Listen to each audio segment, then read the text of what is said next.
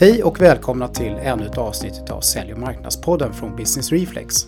Det här är podcasten för dig som vill ha ny kunskap och inspiration om hur man marknadsför och säljer till den allt mer digitala business-to-business-köparen.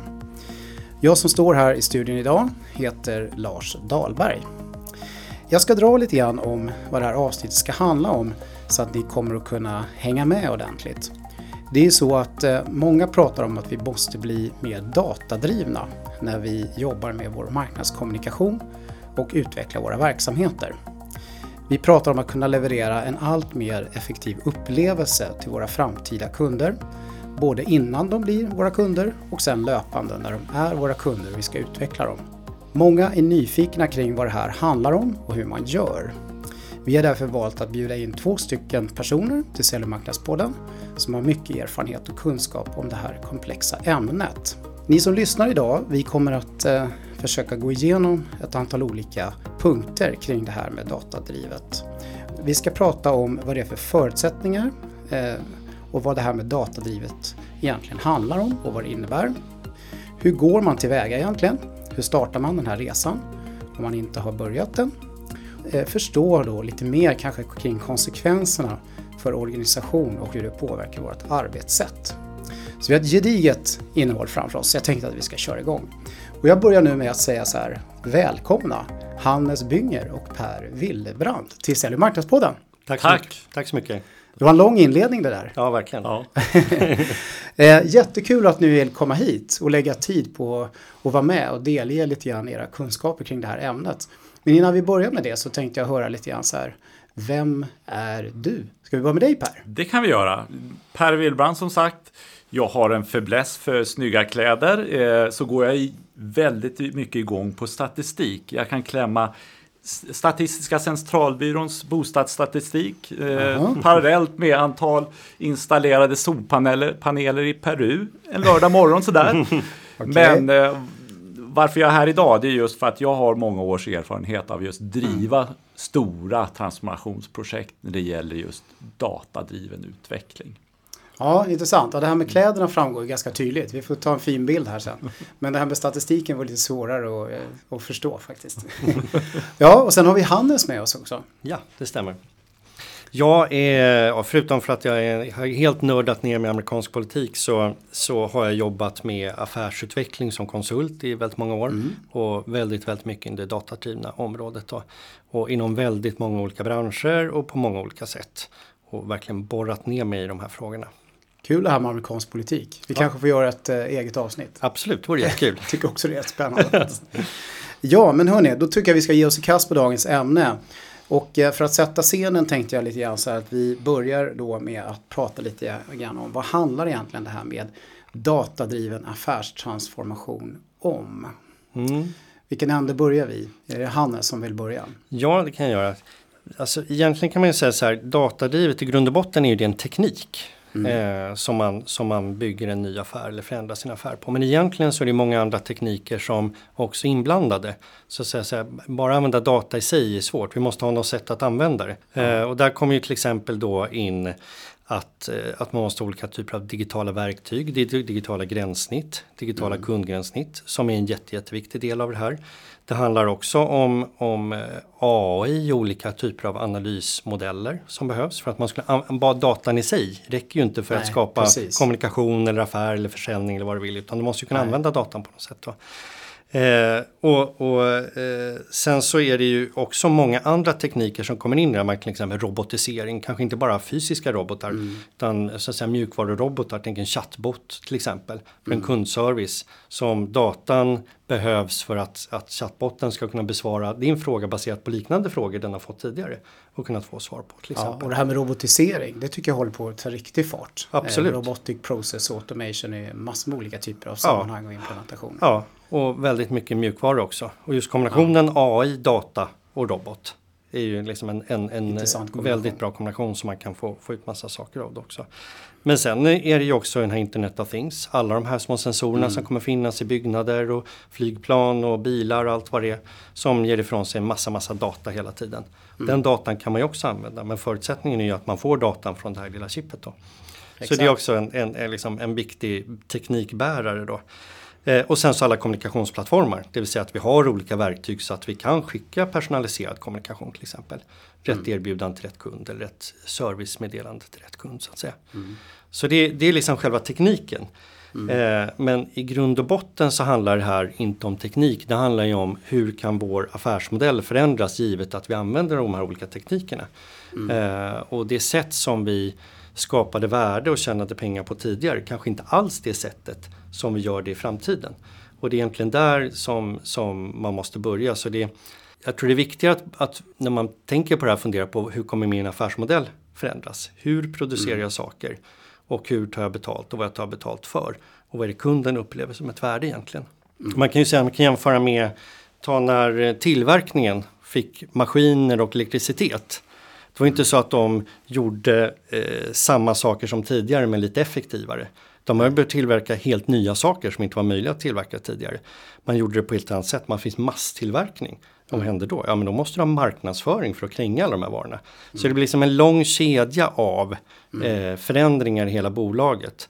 Där, där den här tekniken är möjliggörande men, men konsekvenserna blir mycket större än så. Ja, men det, det, det är helt klart som så att det kommer påverka affären väldigt mycket.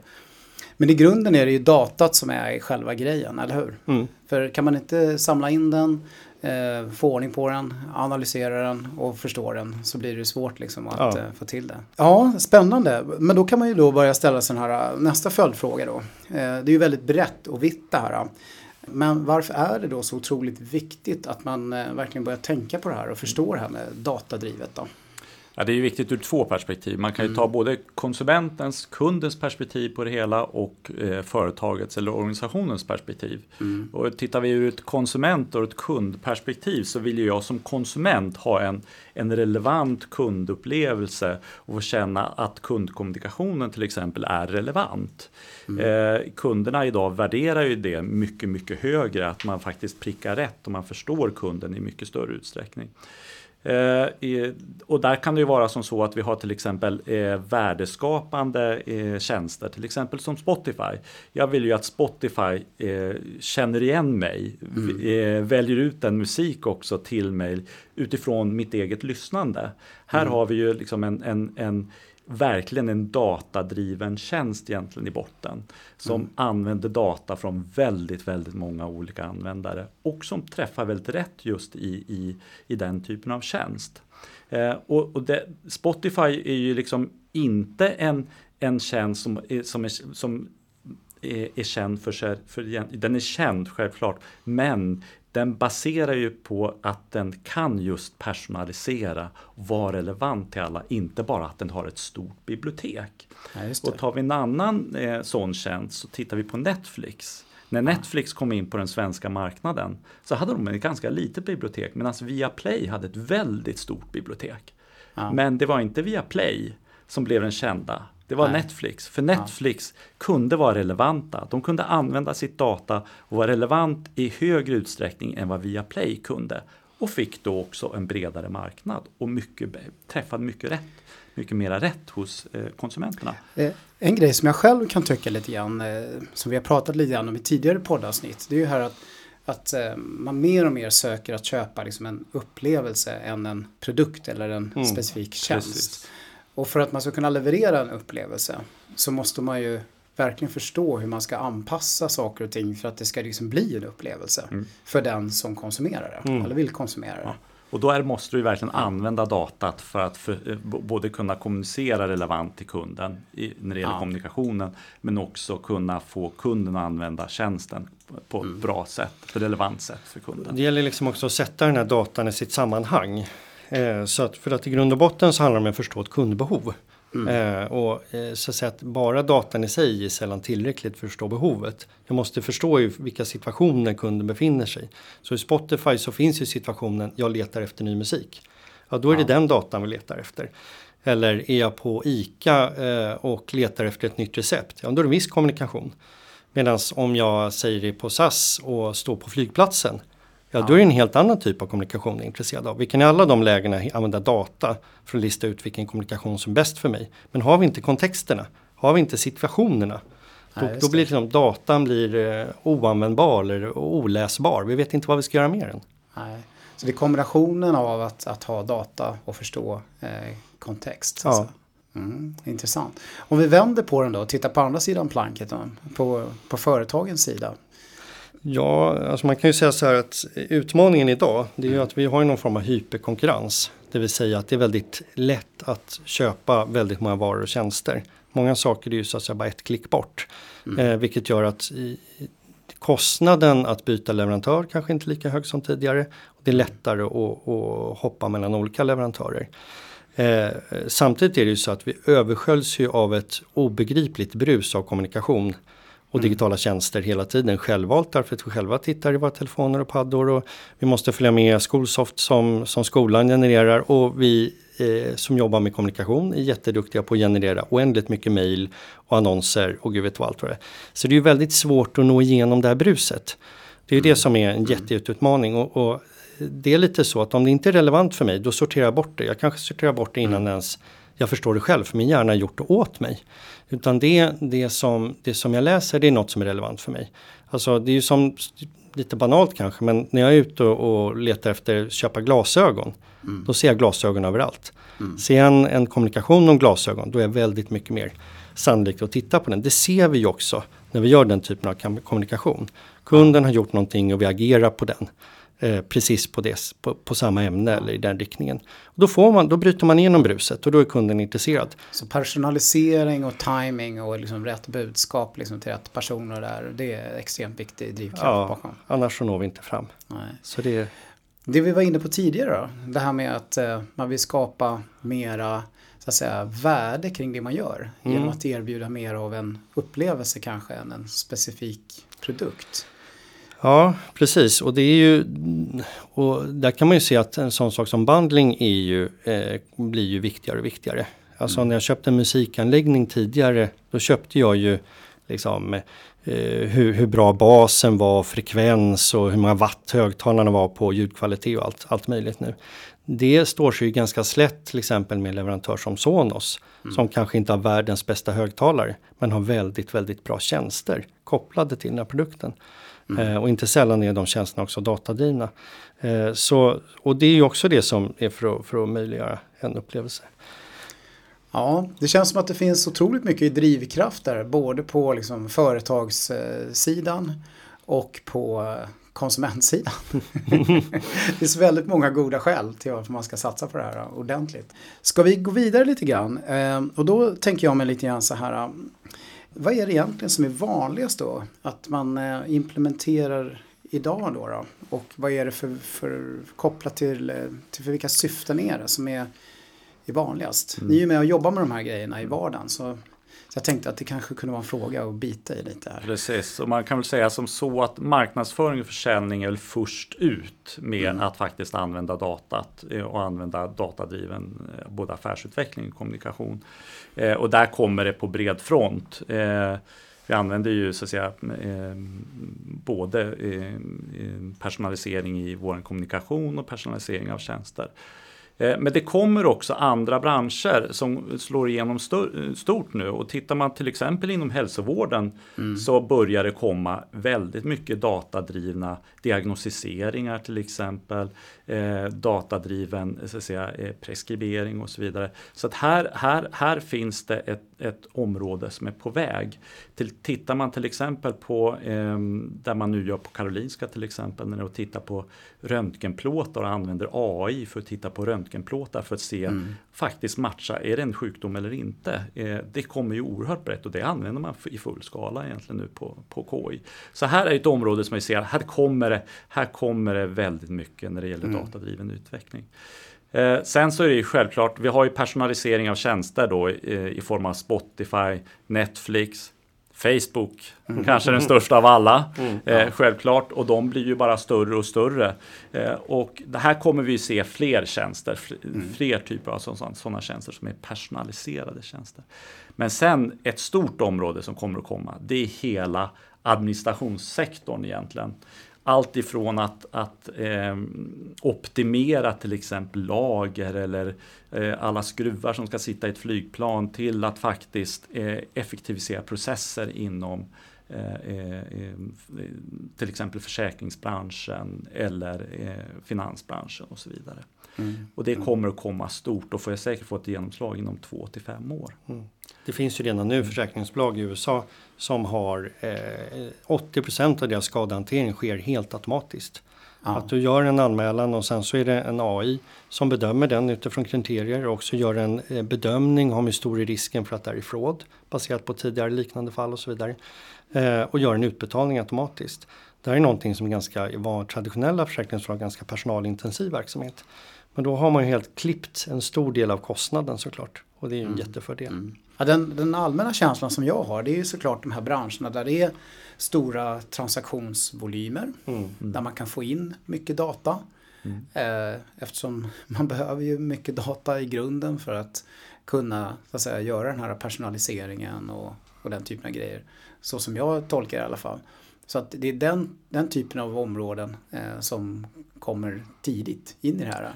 Så är det ju. Det är ju det är därför man har satt igång just i, inom eh, kommunikation och försäljning egentligen. Därför där mm. har man datat från början. Väldigt mm. många lojalitetsprogram har ju byggts upp under åren med mycket data. Mm. Därav att de är först ut. Men Precis. nu kommer alla andra branscher för de har börjat samla på sig ja. data. Och sen är det ju inte helt gratis att satsa och investera i den här typen av grejer heller. Så att det blir per definition företag som har, eh, går bra, mm. mår bra, ja. har muskler. Ja, stora och företag. Ja. ja. Så kan satsa helt enkelt. Och jobba med sådana här frågor väldigt långsiktigt. Men då så, om, man säger så här då, att eh, jag tror alla som lyssnar på det här, de förstår ju att det kan finnas en del eh, utmaningar involverat i att komma igång med det här mm. på ett vettigt sätt.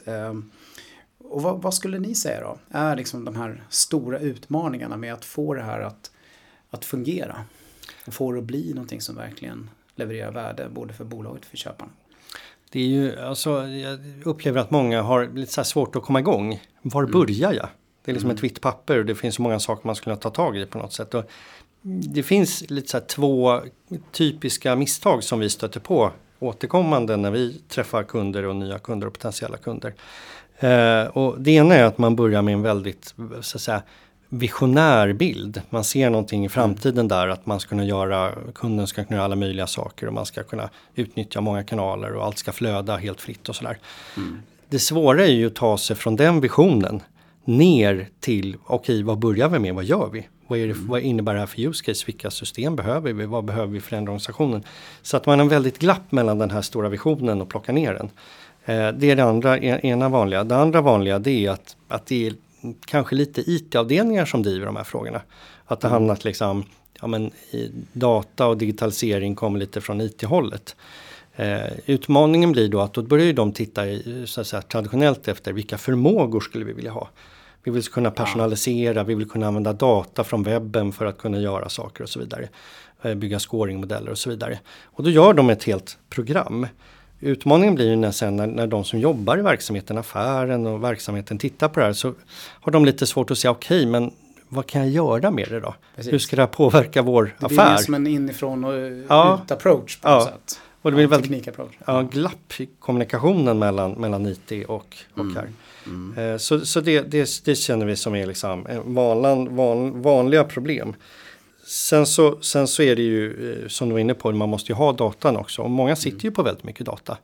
Mm. Man har eh, kanske mer än vad man tror. Man har mycket mer än man tror. De ligger i olika små, små silos i olika system.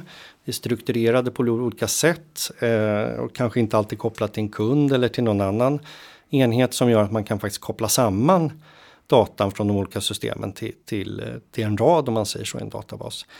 Eh, där, där är en jätteutmaning att, att ta, bara ta det första steget, att strukturera sin data, samla den data på en plats eller på de platser där man behöver den. Få upp datakvaliteten, mm. Eh, få den användbar, sökbar. Eh, och det kan vara sådana här enkla saker som att det är förseningar på data. Det vill säga, jag gör något på webben och då vill vi ha ner den här datan så att vi kan skicka ett mail på det. Men det är en fördröjning i systemet. Det ska igenom något produktionssystem med det här köpet eller någonting mm. innan jag kan använda den. Så när jag kan agera på den, det är 14 timmar senare. Men då är det liksom lite för sent. Så det där är också utmaningen, att få data att flöda tillräckligt snabbt genom alla, alla plattformar egentligen. Ja, en grej som jag kan tänka mig är utmaningen det är, det är just att hitta de här, vi pratade inledningsvis där om ett begrepp. eh, nu ska vi se här, vad var det ni sa? När, när, när eh, vi är i olika situationer. Mm, kontexterna. Kontexterna, ja. precis. Och förstå liksom i vilka kontexter och ja, och få, få det där att hänga ihop på något logiskt sätt. Ja. Kan jag tänka mig. För det är ändå där man måste landa. Ja. Man måste ju liksom på något sätt leverera något värde kopplat till de där Ja, grejerna. exakt. Mm. Annars blir det ju Nej, och det som väldigt, väldigt många gör och säkert många av våra lyssnare gör också, det är att jobba efter custom journeys. Det vill säga att man, man tittar då på hur ser kundens resa ut Mm. egentligen genom hela flödet. Och då kan man göra jättemycket intervjuer, analyser, följa med Mm. kunder och förstå deras behov. Vad, när jag kommer ut till Arlanda, vad är, min, vad är mitt problem då? Mm. Eh, vad är det jag vill ha hjälp med? Och okej, vad kan jag använda data och digitala tjänster etc. för att hjälpa mig just här och nu? Eh, så det är ju det är ett. Det som vi eh, jobbar ganska mycket med det är också inte bara förstå kunden. Utan det är ju att förstå vilken strategi har bolaget i Just de här det. kontexterna. Eh, vad vill vi göra när jag kommer ut till Arlanda? Jag kan ju ha ett behov men vi kanske ett annat behov. Vi kanske vill sälja fast track eller göra något annat med den här kunden. Så det gäller också för företag att ha en strategi för varje sån här kundkontext. Vad är det vi vill uppnå? För det är ju kombinationen av möta kundbehovet och hur vi kan utnyttja det eller använda det för också få, få Till affärsmässig, till affärsmässig effekt så att säga. Vad är det vi vill göra givet det här då? Eh, och och det, det, det brukar funka väldigt bra att lägga upp det på det sättet. Ja, jag kan ju tänka mig att bara göra det här, äh, den här customer, customer journey mapping övningarna. Mm. är ju ingenting som så många har så mycket och så mång- lång och gedigen erfarenhet. För det här måste ju göras väldigt mycket på djupet ju. Ja, absolut. Det är klart. Det räcker inte bara med att säga ja, jo, men vi känner våra kunder och sådär. Nej. Nej, och det, som tur var inte vi då, men det finns andra konsulter som är, är ganska duktiga på det där. Ja. Har kommit, gjort det ett antal gånger. Men det brukar vara en kombination av djupintervjuer, eh, följa med kunder och lite större statistiska analyser. Och det, det där kommer ju väldigt mycket från, det är det som är intressant inom det området också, för det här kommer ju mycket från de som jobbat med digital tjänsteutveckling. De har lite mer vana att jobba med det. Nu när alla kanaler smälter samman, lite mer omnikanal, då är det vi som kommer mer från datadriven kommunikationshållet börjar liksom lära oss deras modeller eh, och börja utnyttja dem. Då. Så det blir en korsbefruktning här egentligen. Ja, det finns mycket utmaningar. Eh, några andra spännande utmaningar som vi vill belysa innan vi går vidare. Hörni. För eh, jag tror alla är ganska nyfikna lite på hur man går tillväga nu då. Ja, eh, möjligtvis någon till, det är ju som säkert också många, många av våra lyssnare eh, känner igen sig, att svårt att få tag på analytiker. För Ja, behovet av analytiker, såklart om man ska jobba datadrivet, att du behöver mycket mer analyskapacitet än tidigare. Eh, så är det ju. Eh, och de växer ju inte på träd. Och man får också komma ihåg att en analytiker är ju inte en analytiker, att någon som har jätteduktig på att analysera trafik på en webbplats kanske inte kan bygga scoringmodeller. Utan det är olika sorters analytiker vi behöver. Och här ju, kan man ju också stöta på en utmaning att företagsledningen också förstår att det här behovet finns och är beredd att satsa en budget Ja. på att ha den här resurserna för de är ju tyvärr inte så billiga. Nej, och en annan utmaning jag kan tänka mig där om man sitter där i sin företagsledning och så kommer någon och säger nu ska vi anställa fem stycken analytiker. Ja. Men att se kopplingen mellan de här dataanalytikerna och businessen Ja, och hur det ska leverera liksom ett värde till vår business, utveckla vår business och skapa mera aktieägarvärde och allt möjligt. Den är inte så här helt klockren att se. Det är det inte. Vi gör sign-off på tio stycken. Ja. Men ibland så är det också många ledningar som tror att ja, men vi anställer en analytiker så kan vi få datadriven affärsutveckling. Men Så är det ju inte. Nej. Utan eh, man måste ju börja från start helt enkelt. Ja. Men sen Ja. har vi ju fler utmaningar också i, i själva organisationen och själva arbetssättet i sig. Därför att dagens eh, företag och dagens organisationer är ju riggade för affärsmodeller som egentligen inte tar hand om den här just eh, data Nej. och datadriven utvecklingen. Så här behöver vi göra om eh, själva eh, arbetssättet egentligen. Eh, vi idag väldigt, eh, så att säga, tar man exemplet kommunikation så finns det ju avdelningar för varje kanal till exempel. Vi har en avdelning för, för eh, webben, vi har en avdelning, CRM-avdelningen som kommunicerar via mail, vi har en avdelning för appen kanske och så vidare. Och för webbshoppen. Och, Och för Ja. webbshoppen Ex, och så vidare. extern media Och extern media och så vidare. och så vidare. Vilket gör att det här måste vi överbrygga. Vi måste överbrygga de här silosarna för vi kan inte jobba i silos längre. Utan här Nej. måste vi ha ett arbetssätt som täcker in att vi ska kunna kommunicera ur ett omnikanalsperspektiv. Det vill säga vi ska kunna använda alla våra kanaler och, och kommunicera ut mot kund i alla kanaler. Och man ska känna sig som som kund känna, känna igen sig i varje kanal. Att det är samma budskap ja. och samma relevans man får i alla kanaler. Ja, det där är en låt som är en ganska stor organisationsfråga. Ja, det är det definitivt. Det här, ser vi, här ser vi nästan den största utmaningen. Mm. Eh, förutom att vi behöver ledningens liksom, mm. eh, driv så behöver vi också få till det här nya arbetssättet. Och det är mm. oerhört viktigt att vi får till det. För att det kan vara också en bristande förståelse och engagemang bland medarbetarna att inte vilja gå mm. över till att faktiskt jobba med, med, med, med tvärfunktionella team till exempel, som kan vara en del av lösningen. Man vill jobba med sin grej, man vill jobba med webben till exempel. Ja. Och här gäller det att kunna skapa ett, både ett engagemang och ett arbetssätt som, som gör att vi kan kommunicera. Ja, och bara få en organisation att inse liksom värdet av data och att det är data som ska liksom driva, mm. driva oss framåt. Liksom. Mm. Precis. Mm. Det är inte en kanal som driver oss framåt. Det är ju faktiskt kunden som driver oss ja. framåt. Ja. Vi, ska, vi ska följa kunden i alla Precis. kanaler med hjälp av våra data. Precis. Ja, härligt. Vi, det finns kanske anledning att komma tillbaka till bara den här organisationsfrågan i ett helt eget avsnitt. Ja, ja. ja eh, som sagt var, vi kanske ska gå vidare då och prata lite grann om hur man går tillväga. Vad säger ni? Vill du börja Hannes? Ja, det är nu väl... kommer cookbooken. ja, nu kommer cookbooken. Ja, det, är, ja, men det är väl en, ganska många olika steg man måste fundera på. Men, men eh, en så grundläggande fråga det är ju så här, vi, mm. vi har en affär och vi är kanske lönsamma idag och tjänar pengar och vi tjänar mm. pengar på ett visst sätt. Men vad kommer vi tjäna pengar på imorgon? Det är inte mm. alls säkert att det är samma sak som tidigare. Eh, återigen den här eh, mus musikanläggningsföretaget som tidigare kunde vara jätteduktig på hårdvara. Nej, de måste nu vara duktig på, på något helt annat, olika tjänster kopplat till den här hårdvaran. Mm. Så det måste man ju veta, vad är det vi, hur skapar vi värde och vad är kunden beredd att betala för? Och vilka, vilka potentialer och möjligheter har vi? Vilken data har vi till exempel som vi inte tänker på? Eller mm. vilken data skulle vi kunna skapa? Och ta reda på om vi, om vi bara så säga, ansträngde oss och såg till att vi samlade upp datan. Till exempel. Så det, där måste man börja. Liksom. Det är en ganska kreativ ja, process. Ja, där. Absolut, det är det. Eh, och man måste eh, jobba lite iterativt och liksom klura lite på, men aha, här har vi en datapöl. Vad skulle man, ja. Är det någon som är intresserad av den? Har den något värde? Eh, vem skulle kunna tänka sig ja. betala för den? På vilket sätt och vad vill man ha ut? Liksom? Eh, sen så är det ju såklart också att säkra ledningens engagemang. Det, det är ju sån här grund, grunddel i all typ av, av förändring. Eh, men sen så var det lite inne på det tidigare också. Det är ju att man måste ju se till att man har ett business case. Mm. Det är mm. väldigt svårt att driva igenom en sån här förändring om man inte ser okay, hur och när och på vad ska vi tjäna eller spara pengar på det här. Mm. Jo, för man har ju mycket sådär att ehm, ja, vi provar på lite grann här och mm. testar lite grann här. Och, ja, det kanske är bra i alla ära. Mm. Men ska det verkligen få en impact så måste det finnas någon form av business case. Mm. Koppling. Ja, absolut. Eftersom investeringarna är så stora också. Ja, kan jag tänka mig. Absolut. Så är det. Det är, ibland har en vissa i vår bransch också väldigt tungt fokus på eh, kundupplevelse. Att det är oerhört viktigt och det, det är det ju men det är kundupplevelsen är viktigt därför att vi kan tjäna pengar. Ja. Och, och om vi tittar lite hårt på det då måste det finnas ett business case i botten. Precis, um, precis.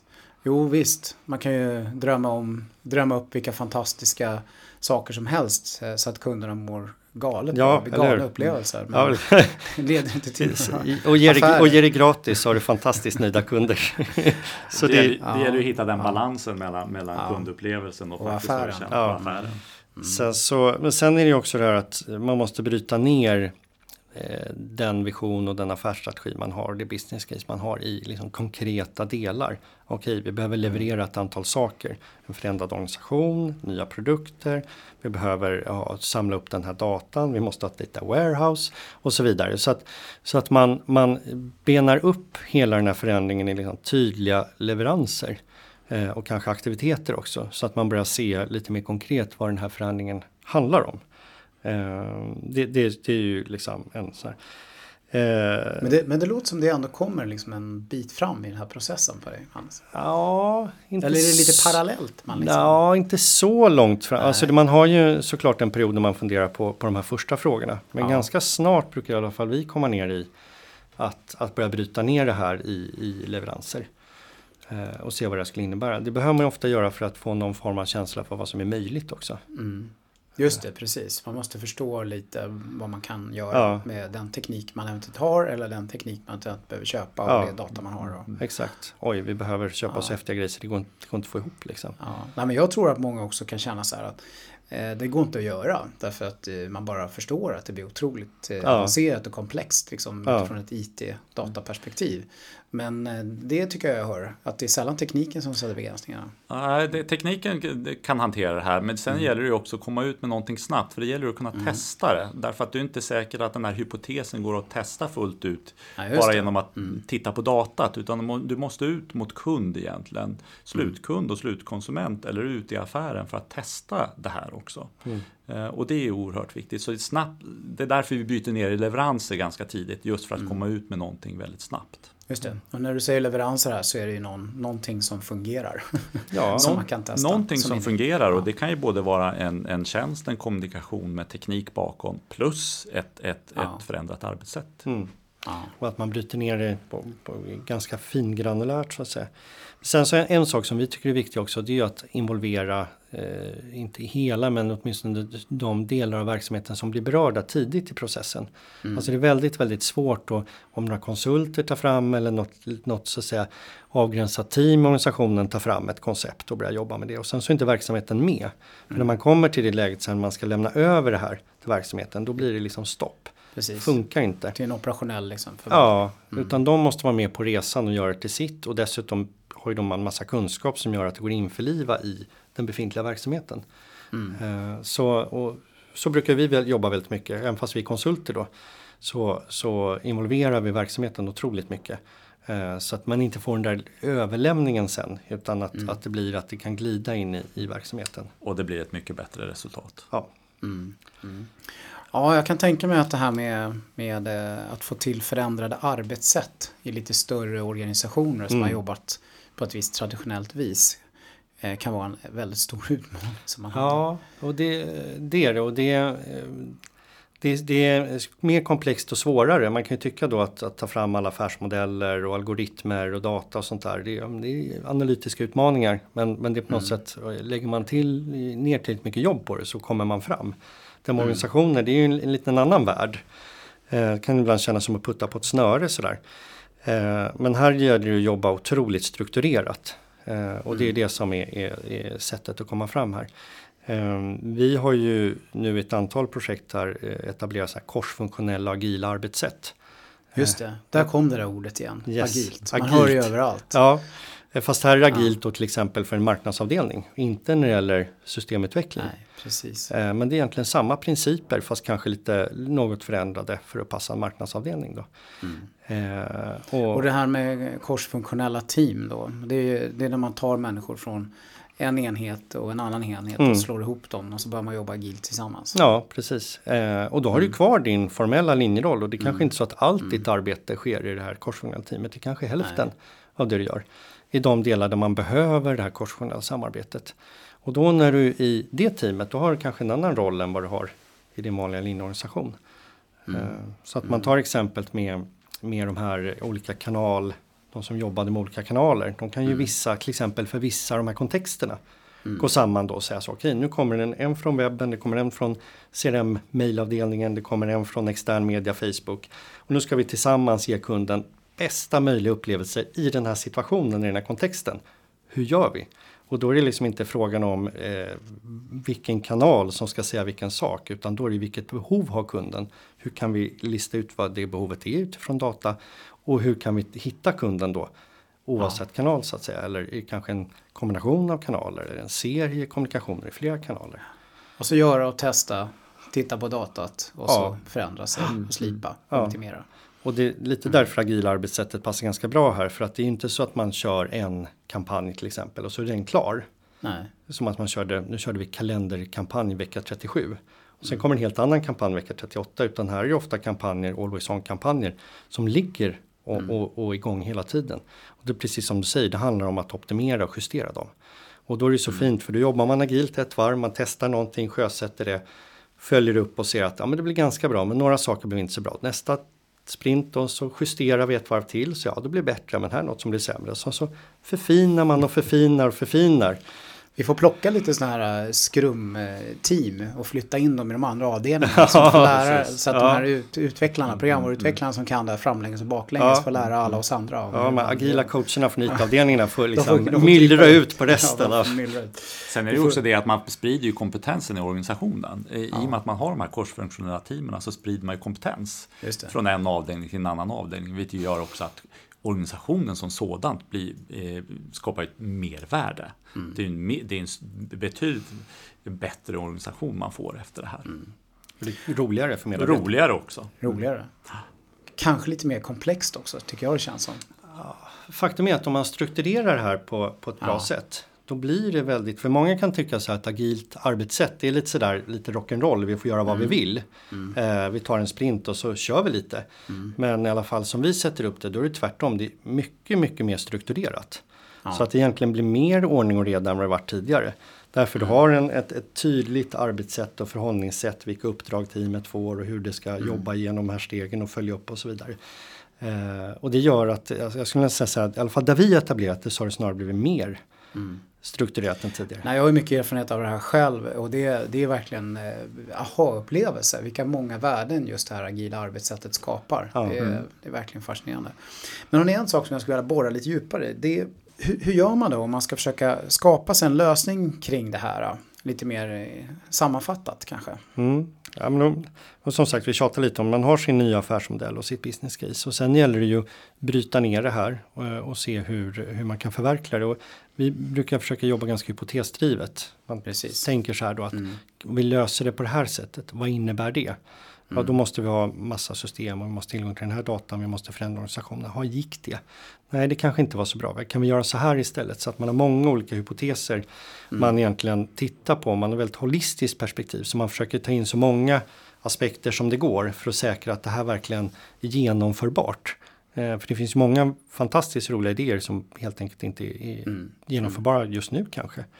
Ja, och det, och det behöver man egentligen göra innan man sen kan gå vidare att försöka realisera något ja, i verkligheten helt enkelt. Absolut. Mm. Mm. Men eh, eh, jag tror alla förstår, och vi har ju touchat lite på det här med, med IT-frågan och verktyg och sånt där. Men kan vi säga någonting om eh, vad det egentligen är för typ av verktyg som eh, krävs och, och, ja, och vad man måste implementera för någonting?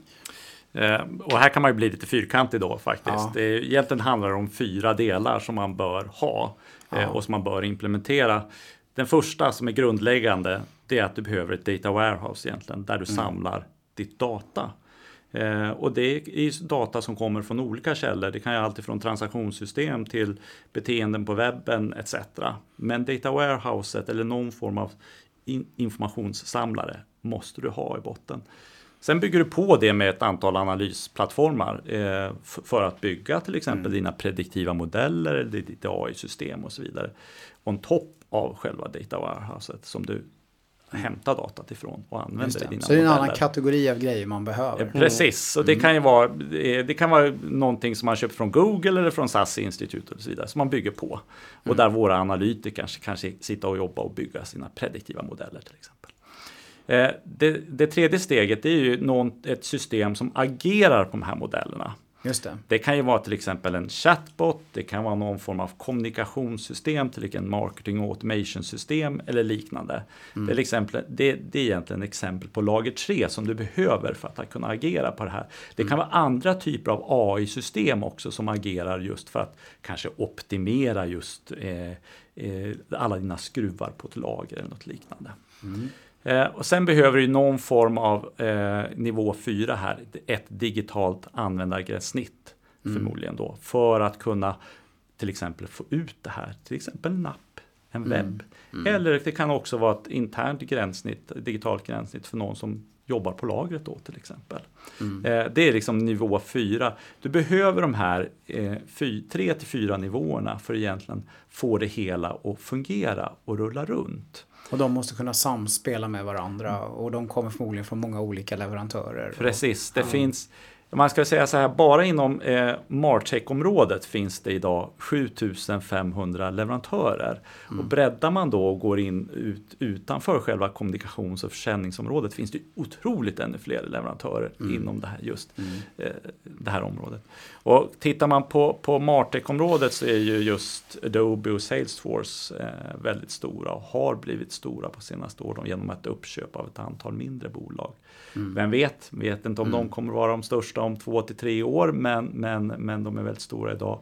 Det sker en konsolidering på hela den här marknaden. Det, det är klart att vi inte kan ha 7500 bolag som agerar inom det här området om Nej. två till tre år. Eh, Nej, och det vi ska satsa och bygga här är ju liksom långsiktiga mm. saker som är extremt kritiska för affären. Och man kan ju inte betta på vilka hästar som helst Nej. heller. Liksom. Nej. Liksom. precis. Ja, vi får väl se vad som händer med de här stora drakarna. Eh, men de verkar ju röra på sig inom det här området i alla fall. Den känslan är ganska tydlig. Eh, ja, ska vi ta och eh, toucha lite grann på några lite intressanta trender då som berör det här med datadrivet då slutgiltigen innan vi sammanfattar.